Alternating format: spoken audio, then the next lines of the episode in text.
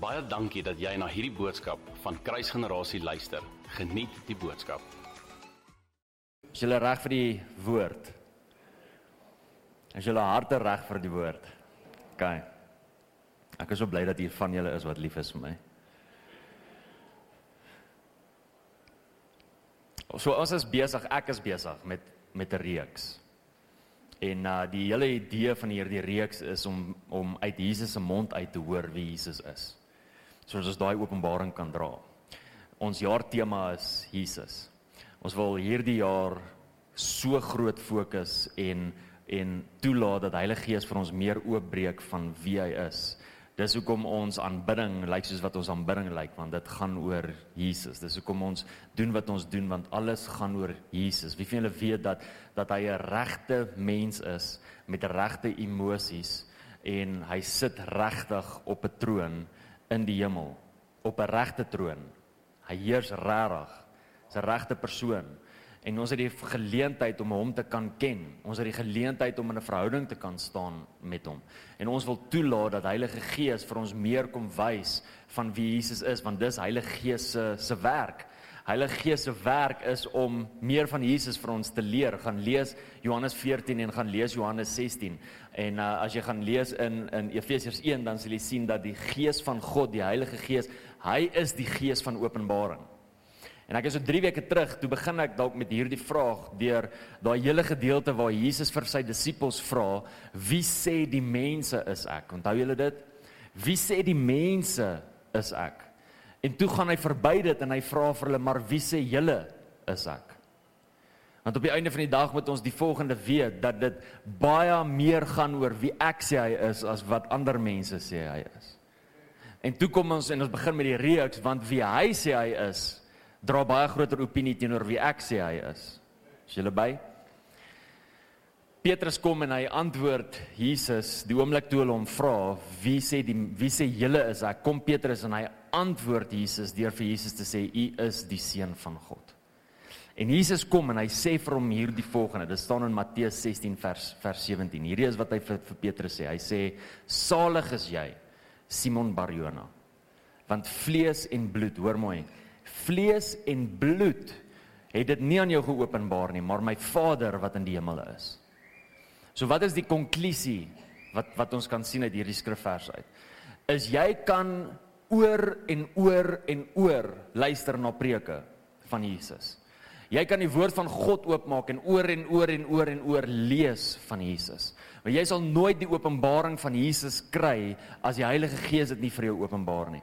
Vlees en bloed openbaar nie Jesus nie. God openbaar Jesus. En daarom het ons hierdie verantwoordelikheid om hierdie gebed te kan bid. Here, leer my meer van Jesus. Leer my meer van Jesus. Kom ons doen dit sommer nou. Ek wil jou uitnooi net daar waar jy is. Kom ons raak net gestil. Maak jou hart oop. Heilige Gees, U love dit om oor die koning te praat. Hy love dit om oor Jesus te praat. En U is die een wat vir ons meer leer van hom, wat vir ons wys van hom. So Heilige Gees, hier hierdie is wat ons vra vanoggend. Kom leer ons meer van die koning. Kom leer ons meer van Jesus. Ons vra dit in die naam van Jesus. Amen. Amen. In die boek van Johannes kry ons sewe ek is verklaringe. Ons het um 3 4 weke terug stil gestaan by die eerste verklaring wat Jesus maak waar hy gesê het ek is die brood van die lewe. As jy dit gemis het, gaan kyk dit asseblief is op YouTube en op Facebook. Toe sien ons dat Jesus vo volgende verklaring maak wat sê ek is die lig van die wêreld. Dis waar ons laas Sondag gesels het. Vandag wil ek stil staan by 2 en die rede hoekom ons by 2 stil staan is omdat hulle letterlik twee verse uitmekaar uit is. Um en en dit is ek is die deur en ek is die goeie herder. So ek gaan stil staan by hierdie twee vanoggend. Dan as jy jou Bybel by jou het, wil ek hê jy moet saam met my blaai na Johannes 10 toe. Ek wil lees vanaf vers 7 af. Onthou asseblief om lekker notas te maak en neer te skryf veral wanneer die Heilige Gees vir jou iets openbaar. Jy is as jy nie 'n Bybel het nie, maak jou foon oop. Moenie op Instagram ingaan nie, gaan by jou Bybel app in en uh gaan na Johannes 10 toe. Johannes 10 vanaf vers 7 af wil dit vir ons lees. Is julle daar? Kyk, ek neem aan julle is daar, so ek gaan lees. Johannes 10 vers 7. Jesus het toe weer vir hulle gesê: "Voorwaar, voorwaar ek sê vir julle, ek is die deur van die skape. Almal wat voor my gekom het is diewe en rowers, maar die skape het nie na hulle geluister nie. Ek is die deur, vers 9. As iemand deur my ingaan, sal hy gered word en hy sal ingaan en uitgaan en veiding vind. Vers 10 sê, baie bekende skrifvers, jy behoort te ken, Die dief kom net om te steel en te slag en te verwoes. Ek het gekom dat hulle lewe en lewe in oorvloed kan hê. Vers 11: Ek is die goeie herder. Die goeie herder lê sy lewe af vir die skape. Goed. Wat is 'n deur? 'n Deur is iets wat 'n mens opsit sodat 'n mens kan bepaal wie in of uitgaan. Dis hoekom daar 'n deur is. As jy wil hê enigiemand moet vrye toegang hê tot 'n plek, dan sit jy nie 'n deur op nie. Maar as jy wil hê dat dit beperk word, dan sit jy 'n deur op. So wanneer daar 'n deur is, dan beteken dit dat jy van een plek af na die volgende plek toe beweeg. Jy's in een vertrek, jy's in jou sitkamer, nou loop jy deur die deur na jou kombuis toe, behalwe as jy open plan het en dan werk my illustrasie nie. Maar hoor wat ek sê. Okay, so kry daai prentjie. Jy het nodig om van een plek na 'n volgende plek toe be te beweeg en dit is wat 'n deur doen. Deur maak dit vir ons moontlik om juis akses te kan hê na daai kant toe. Maar 'n deur bepaal ook dat die persoon wat die deur daar gesit het, is die een wat bepaal of sê wie mag deur hierdie deur kom. As iemand by my hek kom klop of by my hek kom skree, wie wil weet dat ek nie net sommer oopmaak nie maar dat ek uitgaan en eers met die persoon praat en wat ook al hierdie persoon vir my sê gaan bepaal of ek vir hom gaan oopmaak of nie nie vir hom gaan oopmaak nie. Jesus is die deur. Met ander woorde, hy is dit wat vir ons toegang gee na iets anders toe en hy is ook die een wat bepaal wie daardeur loop. Hy is die deur. So wat is aan die ander kant? Wat is aan die ander kant van hierdie deur? Ek wil gou praat oor drie goeters wat aan die ander kant van hierdie deur is. Wat gebeur wanneer ons deur die deur stap wat genoem word Jesus Christus? Eerstens lewe. Wat gebeur aan die ander kant as ek deur hierdie deur stap? Lewe. As jy as jy weer daai skrifvers gaan lees, dan sal jy sien dat hy sê daar in vers 9, ek is die deur. As iemand deur my ingaan, sal hy gered word. Wat is redding? Redding is lewe. En dan sê hy die volgende, hy sê en hy sal ingaan en uitgaan en veiding vind. Hierdie is 'n sim, is simboliese spraak van die feit dat iemand gedurig deur in die teenwoordigheid van God ingaan en uit sy teenwoordigheid uit beweeg om die lewe te gaan doen. En na die dag weer teruggaan na deur die deur en weer tyd spandeer en weer uitgaan en weer ingaan en weer uitgaan. Met ander woorde, jy's konstant in die teenwoordigheid van die koning van die konings. Jy stap konstant deur hierdie deur. En die oomblik wanneer jy deur hierdie deur stap, dan beteken dit dat daar vir jou lewe is. Daar is vir jou lewe. Jy sal gered word. Die oomblik wanneer ek gered word, 2 Korintiërs 5 vers 17 sê vir my dat as ek die oomblik wanneer ek gered word, dan is ek 'n nuwe skepsel. Die ou dinge het verbygegaan. Ek is 'n nuwe skepsel alles het nuut geword. Het het, het julle al daai woord alles gesien? Die woord sê alles het nuut geword. Met ander woorde, elke liewe gedeelte van wie ek is, my volle wese het nuut geword. Die oomblik wat ek deur die deur gestap het.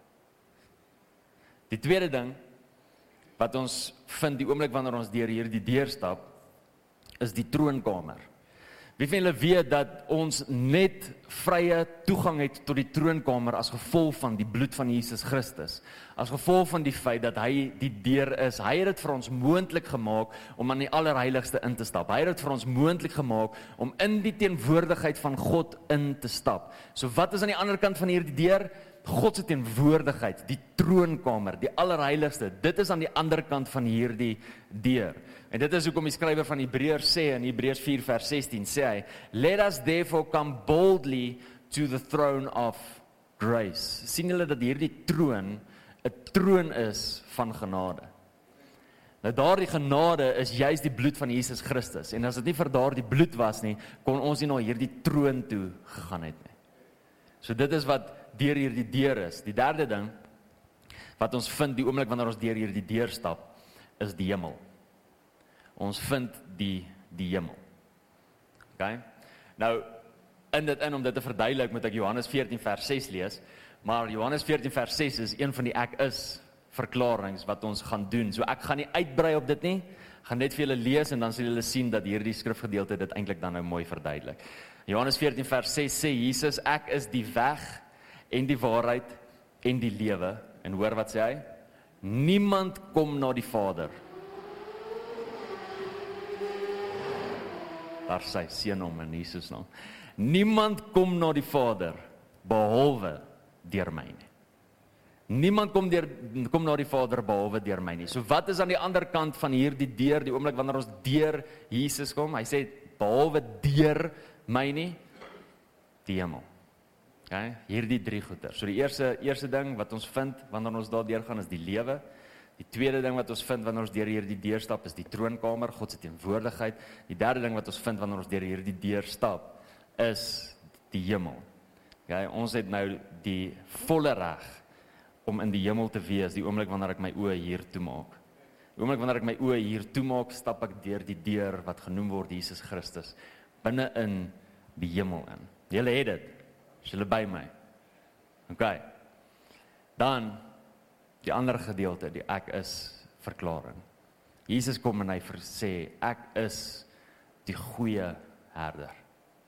Ek is die goeie herder. Ek love hierdie statement van Jesus want hy sê nie net dat hy die herder is nie. Wie van julle weet dat daar's baie herders? Hier staan een. Daar's baie herders, maar hy is die goeie herder. It's 'n amazing statement. Weet jy dat as jy die konteks gaan lees van hierdie skrifgedeelte, onthou julle wat het ons gesê, wat is die belangrikste ding van skrifuitleg? Konteks. As jy die konteks gaan lees van hierdie gedeelte, dan sal jy sien dat die konteks begin eintlik al in Johannes 9 waar Jesus na 'n blinde man toe loop om hierdie blinde man te te genees. En uit dit uit is daar 'n gestryery met die Fariseërs en uit dit uit kom Jesus en hy praat oor hierdie gesprek, oor die feit dat hy 'n die herder is en dat daar ander herders is wat die skape verkeerd lei. Hy praat van die fariseërs wat besig is om die mense verkeerd te lei. Hierdie hele gedeelte is eintlik vervulling van wat geprofeteer is in Jesegiel 34 en Jeremia 23. In Jesegiel 34 en Jeremia 23 kom albei hierdie profete deur die woord van God en hulle kom spreek die herders aan wat na die mense kyk. En God is kwaad vir die herders omdat die herders alles laat draai het om die herder in plaas van om God. So so hulle was in dit in vir hulle eie gewin. Hulle was in dit in vir hulle eie voordeel. Hulle het waarheid weggehou van mense af sodat die mense hulle kan volg. Hulle het waarheid weggehou van mense af sodat die mense lief sal wees vir hulle. Ek wil net die volgende sê dat die oomblik wanneer jy waarheid weerhou van iemand af, is dit nie 'n teken van liefde nie, maar juis 'n teken van die feit dat jy hulle nie liefhet nie. So gedink jy daar gaan 'n amen wees. Daar kou julle nog aan dan nou so waarheid wat ek vir julle gebring het voor ek begin preek het. OK. Hoor gou hier. Jesus is goed. Amen. Ek is so bly daar was al mense gewees in hierdie kerk. Jesus is goed.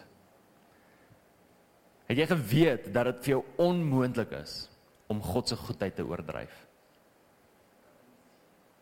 Hoor, hoor wat sê ek? Dis onmoontlik om God se goedheid te oordryf.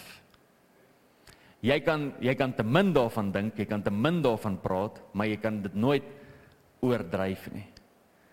Ons kan nie God se goedheid oordryf nie. Hy is of groter as elke gedagte en elke teologie waaraan ek vashou of hy is nie God nie. Ek is. Moet ek dit weer sê as jy by my? Ons kan nie God se goedheid oordryf nie. Hy is of groter as elke gedagte en teologie waaraan ek vashou of hy is nie God nie, ek is. Paulus kom en hy skryf aan die gemeente van Efesiërs. Hierdie is wat hy sê in Efesiërs 3 vers 20. Jy behoort dit te ken. Hy sê en aan hom, hy praat van Jesus Christus, en aan hom wat mag het om te doen ver bo alles wat ons bid of dink. Dit wat jy bid, dit wat jy in verhouding met God praat, dit wat jy dink van hom, hy's ver bo dit. Jy kan nie sy goedheid oordryf nie. Jy kan nie dink dat hy so goed is en dan val hy kort aan dit nie. Hy's beter as die goedheid wat jy hom aan toeskryf. Hy's beter as dit. Hy doen ver bo wat ons dink of bid. Want hy is tot magte van dit. Dit is hoe goed hy is. Nou familie, hoor my mooi. Die vyand probeer alles in sy vermoë om jou te laat twyfel in God se goedheid. Die kans is baie goed dat jy vanoggend hier sit en die verklaring maak dat God goed is, maar diep binne in jou twyfel in sy goedheid. Die kans is baie goed. Jy sien want jy weet dat jy nie kan stry met so God se goedheid nie. Die Bybel sê hy is goed. So jy kan nie stry met sy goedheid nie. Maar jy's hierdie en hierdie en hierdie en hierdie het met my gebeur. Ek dog God is goed. Ek het my geliefde verloor. Ek dog God is goed.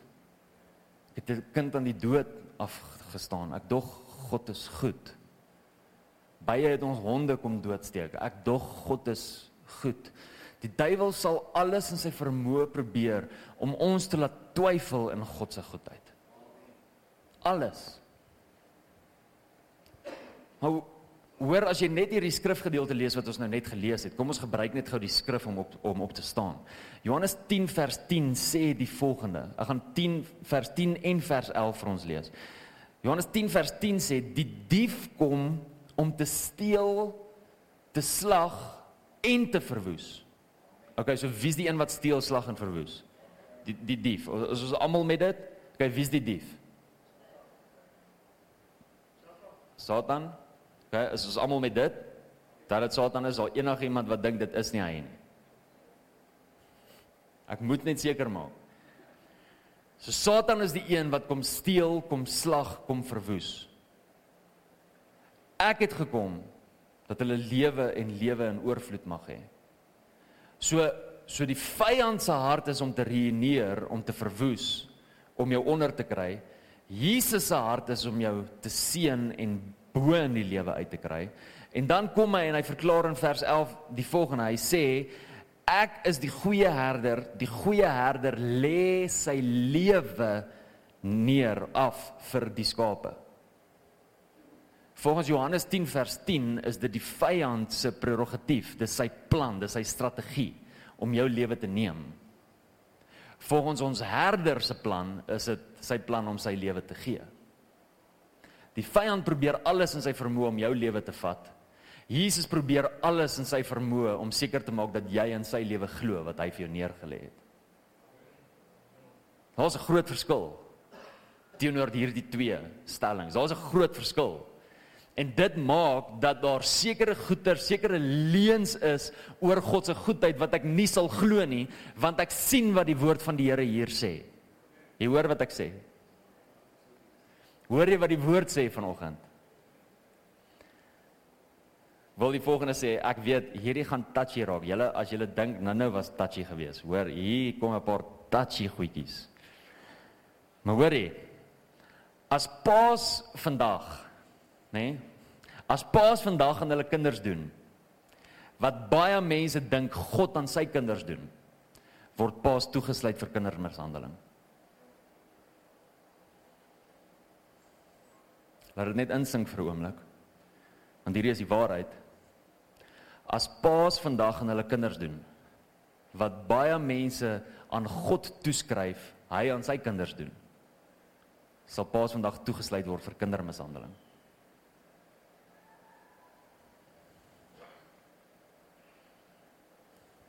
Ek het al gehoor hoe iemand deur 'n ongelooflike tawwe tyd gaan en dan kom daar 'n gelowige en dan sê die gelowige vir die ander gelowige toe maar God God laat dit toe want hy wil jou iets leer.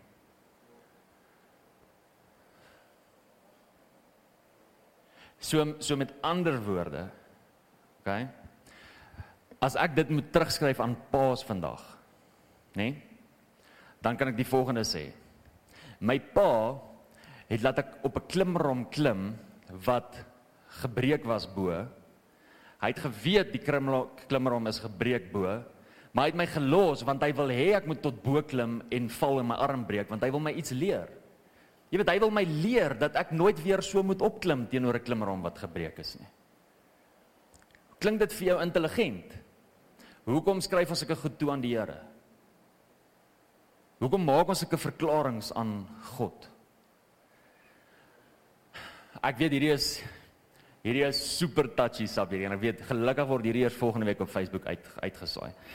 Maar baie mense, baie mense sê God is in beheer van alles.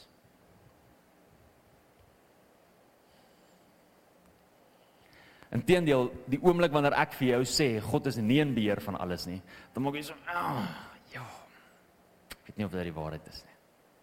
Ek maar dink net gou aan die volgende. Kan ek net kan ek net jou jou bubble bars. As God in beheer is van alles, beteken dit nie dan ook dat hy verantwoordelik is vir alles nie.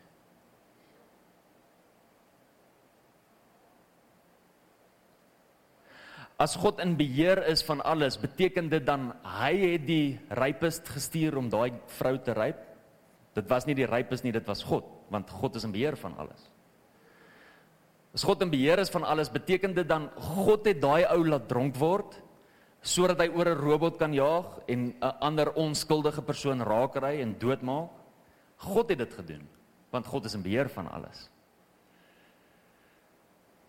Wanneer nou, 'n oomblik wanneer ek konteks begin dink, nou sien ek nee, daar's nou sulke koppe. Baie mense sê nee, dis God se lasterend om te sê God is nie in beheer van alles nie. Nee nee, ek sê dis God God se lasterend om te sê dat hy beheer is van alles. Want hoor hier. As jy sê God is in beheer van alles, die God se lastering lê in die volgende. Dat as hy in beheer is van alles, dan moet hy ook gestraf word vir die goed waarvoor hy verantwoordelik is. Dit beteken dat Jesus nie moes sterf aan 'n kruis vir my en vir jou nie, maar dat Jesus aan 'n kruis moes gesterf het vir homself.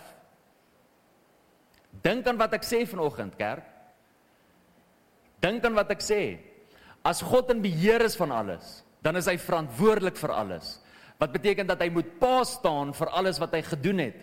Dan beteken dit ek kan nie gestraf word vir die verkeerde ding wat ek gedoen het nie, want iemand het my dit maak doen.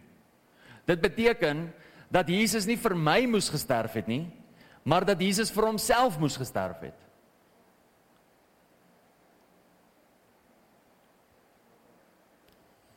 Ek hoop dit is so stil omdat jy dink.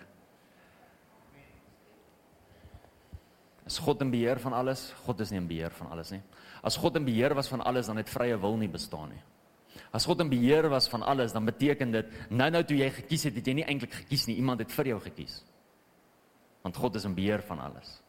Dit beteken daar's nie vrye wil nie. Die gevaar met dit is is die oomblik wanneer daar nie vrye wil is nie, beteken dit dat liefde nie kan bestaan nie. Want liefde is 'n keuse, nie 'n emosie nie. Die keuse van liefde maak sekere emosies by my wakker, maar liefde is 'n keuse.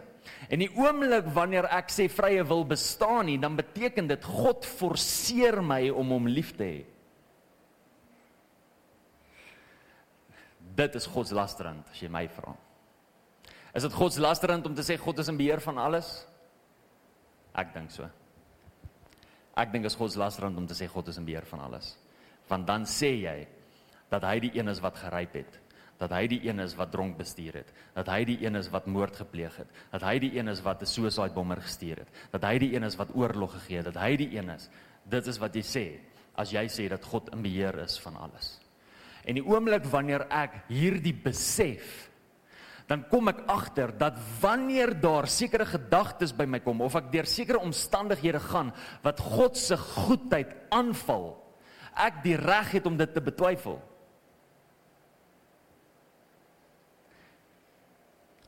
Kom ek kom ek sê dalk die volgende. Ek gaan dit sê in Afrikaans en in Engels. Hier's Engelse mense ook hier vandag, so ek wil net wil jy almal moet verstaan. Moet nooit wat jy van God weet sacrifice vir die vrae waarop daar geen antwoorde is nie. Hoor hoor jy wat ek sê? Ons almal word gefeis met vrae waarop daar nie antwoorde is nie. Weet julle hoe baie hoor ek dit as mense my kom sien? Maar Jan, ek verstaan nie hoekom hoekom het dit gebeur?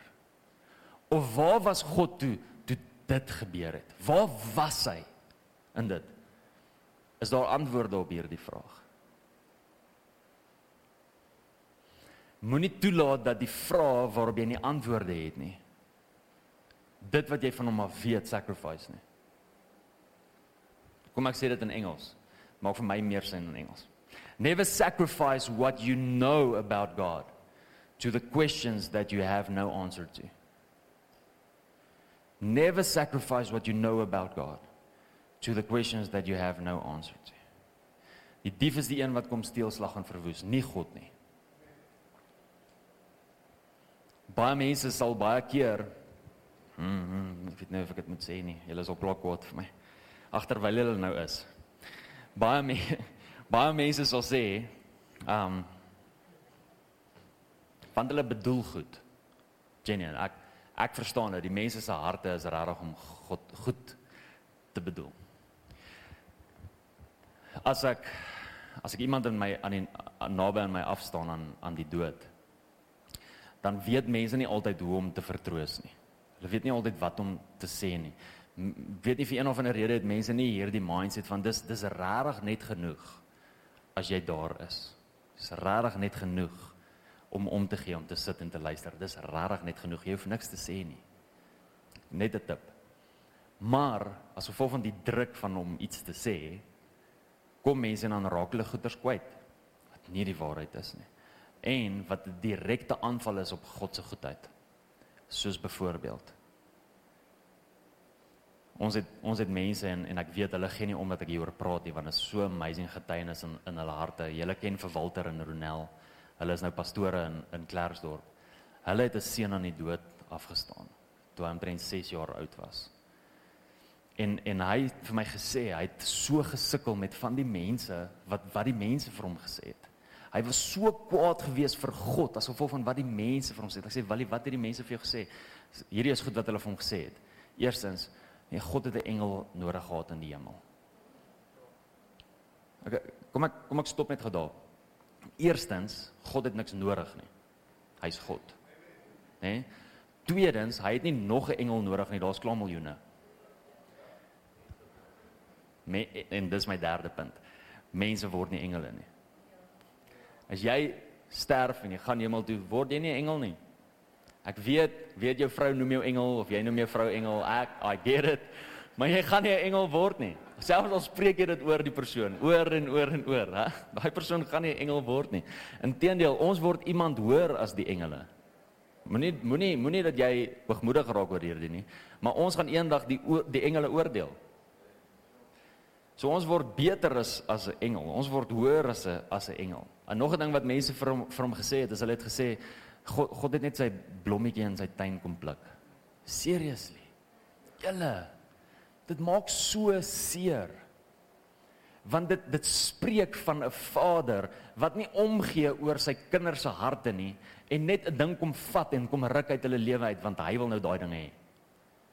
Come on. En weet julle waaruit kom dit? Dit kom uit die leen van Job uit. Ek wou nie in die rigting ingaan gaan net nie, maar nou is ek hier. Ek's nou klaar daar. Ek's deur die deur. Net Jesus het die deur oopgemaak. Ek's deur hom. OK, nou soos hier. So Job het hierdie verklaring gemaak. Hy het gesê Um hy is hy is die God wat wat gee en wat neem. Is dit die waarheid? Is hy 'n God wat gee en wat neem? Kom ek kom ek rol net gou die die rolle om. Het jou pa al ooit vir jou iets gegee en later vat hy dit terug? Ek praat nie van as gevolg van dissipline nie. Ek praat van die feit dat hy vir jou 'n persent gegee en dis jou persent en ewe skielik na 'n jaar sê hy nee, ek dis nou my persent. Ek wil nie meer dit vir jou gee nie. As jou pa het, ek is baie jammer. Maar dis nie wat pa's doen nie. Pa pa paas is so lief vir hulle seuns en vir hulle dogters dat wanneer hulle iets vir hulle gee, dan vat hulle dit nie terug nie. Inteendeel, beste paas, die beste paas gee vir hulle kinders iets om te stoor want hulle wil hulle juis karakter leer. Hulle wil juis kyk hoe hanteer hulle hierdie ding wat by hulle is. Dis die beste paas. Nou kom Job. Daar word by hom gesteel. Wie is die een wat steelslag gaan verwoes? OK, daar word by hom gesteel. Sy kinders gaan dood, sy vee gaan dood, sy huis val in mekaar in en in mekaar en uit uit mekaar uit. Letterlik alles gaan verkeerd. En dan kom hy en hy maak die verklaring: Prys die naam van die Here. He's the God that gives and that takes away. Is dit die waarheid? Ja, maar hier is die probleem. Ons dink is die waarheid want ons lees dit in die Bybel en die Bybel is waar. Jep. Die Bybel is waar in konteks in konteks. Op die oomblik wanneer ons daai storie lees, dan sien ons van buite af. Onthou Job het nie die voorreg gehad om die conversation tussen Satan en God te sien nie. Hy het nie daai voorreg gehad nie. Hy het nie geweet wat hulle bespreek het nie. Hy het nie geweet wat in die geestesriem aangaan totdat na die tyd wat hy die boek geskryf het nie. Nê? Nee? En nou kom hy en nou maak hy hierdie verklaring, maar hy het nie 'n klou nie want hy weet nie wat aangaan in die geestesriem nie. Die vyand is die een wat sy kinders doodgemaak het. Die vyand is die een wat sy huis in mekaar en laat val het. Die vyand is die een wat sy vee doodgemaak het. Dit was nie God nie. God het nie by hom weggevat nie. Die duiwel het. Nou kom ons en ons hou vas aan daardie skrifgedeelte want dis wat Job gesê het. Nee nee nee, dit was Job se belewing. En dis baie keer jou belewing. Wanneer jy deur iets gaan in jou lewe en ewe skielik is daar iets wat gevat word of iemand gaan dood of iets kosbaar aan jou is nie meer daar nie, dan is dit jou belewing dat God vir jou iets gegee het en dat hy dit weggevat het. Dis jou belewing. Dis nie die waarheid nie, maar dis jou belewing. En hier's die probleem. Ons kan nie laat ons omstandighede of ons belewings 'n teologie bepaal nie. God is goed. Onthou julle dis waar ons nog praat. God is goed sy karakter tree op in goedheid. Nie andersom nie. In goedheid. Kyk, kom ek sluit af met hierdie volgende gedeelte. Ek het hierdie al met julle gedeel, maar ek het ervaar dat ek dit weer met julle moet deel. Baie van julle is nie in ons gemeente. Die oomblik wanneer ons Johannes 10 vers 10 lees, dan sien ons dat die duiwel drie gedoen. Hy kom hy kom steel, hy kom slag, hy kom verwoes. Die Griekse woorde daar het eintlik baie diepe betekenis en ek wil dit met julle met julle deel. En die oomblik wanneer jy dit gaan verstaan, gaan jy sien wat die vyand se strategie is en hoe hy optree binne in jou lewe. Kyk, kan ek dit met julle deel? Is julle reg, maar julle gaan dit moet neerskryf want anders gaan jy dit vergeet. En dan gaan ek dit verniet met jou deel. So skryf dit neer of maak jou foon oop en sit dit in notes iewers want ek beloof jou hierdie is powerful. Gaan jou lewe verander as jy die openbaring van hierdie vang. Die woord steel is die Griekse woord klepto. K L E P T O. Klepto. En dit beteken die volgende. Skryf die betekenis ook neer. Dit beteken, okay, om jou grondgebied te betree met of sonder jou toestemming. So die vyand kom om te steel. Die Griekse woord klepto beteken dat hy in jou grondgebied inkom met of sonder jou toestemming, juis met die oog om op te kom steel. So met jou toestemming of sonder jou toestemming. Nou in dit is 'n preek heeltemal op sy eie want ons kan preek en lank stil staan oor hoe gee mens die vyand toestemming in jou lewe. Die tweede woord is die woord slag. Dis die Griekse woord thuo T H I O. Thuo. T H I O. En weet julle wat beteken dit? Dit beteken dood eenvoudig die volgende: 'n onverwagse hou om jou buite aksie te plaas. 'n onverwagse hou om jou buite aksie te plaas. Thuo. Hy kom slag. Thuo. 'n onverwagse hou om jou buite aksie te plaas. Ek hou daarvan om dit so te verduidelik, regtig net net in kort. Maar in die ou tyd, ek weet nie hoe werk landmyne nou nie, maar in die ou tyd het landmyne so gewerk dat die landmyn was nie gedesign om die persoon dood te maak nie, maar die persoon se been af te skiet. Obviously gaan jy doodgaan as dit nie behandel word nie. Om die persoon se been af te skiet en buite aksie te sit vir die oorlog. En dan wat gebeur is is die oomblik wanneer een van die soldate op een van die platoon members of wat ook al trap op die landmyn, sy been word afgeskiet, hy lewe nog en nou ewe skielik moet die medic en nog twee mense daar wees om hierdie persoon te kan help, om te tent vir hierdie persoon om hierdie persoon te kan dra en seker te maak dat hy by 'n chopper uitkom sodat sy lewe gered kan word.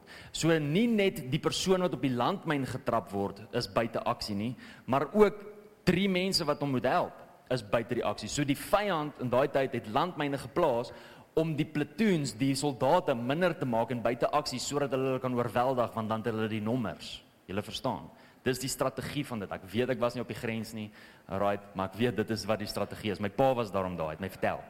Alright. So belangrik om te weet, dis presies wat hierdie woord beteken. Hierdie woord beteken jy het op 'n landmyn getrap, jy het 'n harde hou gekry, jy's buite aksie uit en nie net jy nie, maar die mense om jou ook. Gaan kyk wat gebeur in 'n huisgesin die oomblik wanneer die pa 'n harde, onverwagse hou kry van die vyand af en hy kies om nie meer die Here te dien nie. Wat gebeur met die res van die gesin? Het dalk sien. So dis sy strategie en dan die laaste ene verwoes, steel slag verwoes is die woord apolumi. A P O L L U M I kolletjie. Apolumi. En dit beteken die volgende: 'n ewigheid sonder God. 'n ewigheid sonder God. Julle ja. Ek sal diep binne my hart vrees hê om 'n ewigheid sonder die Here te wees. So die vyand kom, hy kom steel, hy kom slag, hy kom verwoes. Hy probeer alles in sy vermoë dat jy twyfel in God se goedheid. Hy probeer alles in sy vermoë dat jy twyfel in wie hy is. Hy maak dat daar vrae in jou hart opstaan wat jy teenoor die Here het, vrae wat nie geantwoord word nie, vrae wat jou kwaad maak vir die Here. Vra wat jou ongelukkig maak vir die Here die oomblik wanneer jy daar begin gesels of net daar, daaraan dink. En dit maak dat jou verhouding met God vervreemd raak. Dit maak dat jy sekere goeder, sekere leuns begin glo van wie hy is en ewe skielik is hy nie meer vir jou die goeie herder nie. Want jy dink, maar wat van al die goed? Hoe die goeie herder hierdie goeders met my laat gebeur? En dis probleem wanneer ons toelaat dat leuns tot ons minister. En oomblik terwyl ek hierdie voorberei het, is hierdie juis die gedagte wat ek ervaar het en dit wat ek ervaar het Vader vir my sê is daar soveel mense vanoggend hier wat leuns glo van God se goedheid. Daar's soveel mense hier wat leuns glo van wie van wie die Vader is. 2 Korintiërs 10 praat van strongholds. For the weapons of our warfare are not are not carnal but mighty in exploits for the pulling down of strongholds. A stronghold, as jy nou in neuroscience ingaan, is 'n is 'n gedagte wat agter in jou kop geberre word waarvan jy nie weet nie. Maar daardie gedagte kom en bepaal actually jou optrede in sekere omstandighede. So soos byvoorbeeld gaan vulnerable wees vir julle, okay? Die die bye het gekom en het ons honde doodgesteek. So 'n stronghold in ons lewens is is om om nuwe honde te kry. Om nuwe honde te kry is nie die issue nie. Maar om nuwe honde te te kry en toe te sluit buite en weg te gaan en nie toe te laat dat die vrees van maar wat is 'n by weer by jou opkom nie. Maar maar wat as iets gebeur? om dis 'n stronghold. En wat gebeur is is die die leuns wat die omstandighede maak dat jy juis inval in daai plek in. En dit is 'n direkte aanval op die goedheid van God. Jy weet nie eers jy glo dit nie. Jy weet nie eers dis daar nie, maar dis as gevolg van trauma, Trauma maak dat hierdie ding hier agterin geberre is want wat trauma doen is trauma leer uit jou omstandighede uit sê jou kop vir jou dit is wat jy opgetree het dis wat jy moes gedoen het om te survive. Trauma brand dit in jou kop vas en die oomblik wanneer daai ding weer surface dan het jou brein klaar hierdie is wat jy gaan doen. Sonder dat jy daaraan dink Celeste is ek reg? Dis presies wat trauma doen Celeste is 'n trauma beraader soek hom ek al vra dis presies wat trauma doen dis 'n stronghold en ek het gehoor hoe die Here strongholds wil afbreek vanoggend in hierdie plek. Ek ek hoor hoe die Here leuns wil afbreek in hierdie plek. En luister. The weapons of our warfare are not carnal. Daar's nie 'n vleeslike ding wat ons vanoggend kan bring nie. Ek kan niks fisies vanoggend vir jou bring om seker te maak dat hierdie stronghold afgebreek word nie. Hierdie kasteel afgebreek word vanoggend nie. Die gees van God daag op en die gees van God maak dat hierdie vrees wat hier agter is, hierdie stronghold wat hier is, hierdie twyfel wat jy het hier agter, hierdie gedagte van jy jy weet nie of jy God kan vertrou nie. Hierdie leuns wat jy van hom af vashou waarvan jy nie eers weet nie, dat daai goeder letterlik gebreek kan word, die gees van God. En ek wil jou uitnooi. Ek wil nie net oopmaak dat Heilige Gees dit kan kom breek by jou nie. Dis nie die moeite werd om te aanhou leef, aanhou leef met hierdie nie. Om konstant terug te val na dit toe, om konstant hierdie leuns te glo, om konstant toe te laat dat iets jou prentjie van wie God is belemmer. Dis nie die moeite werd nie. Hierdie ding maak letterlik dat jy nie Jesus sien vir wie Jesus is nie. Dit maak dat jy sukkel om te glo dat hy die geneesheer is byvoorbeeld. Want as hy die geneesheer is, hoekom is my familielid dan dood terwyl ek hom vertrou het? Verstaan julle wat doen 'n stronghold? Verstaan julle die leuen? Dit is direk teen goedheid. Lê dit vanoggend by sy voete neer. Baie dankie dat jy na hierdie podcast geluister het. Indien jy die boodskap geniet het, deel hom asseblief met jou vriende.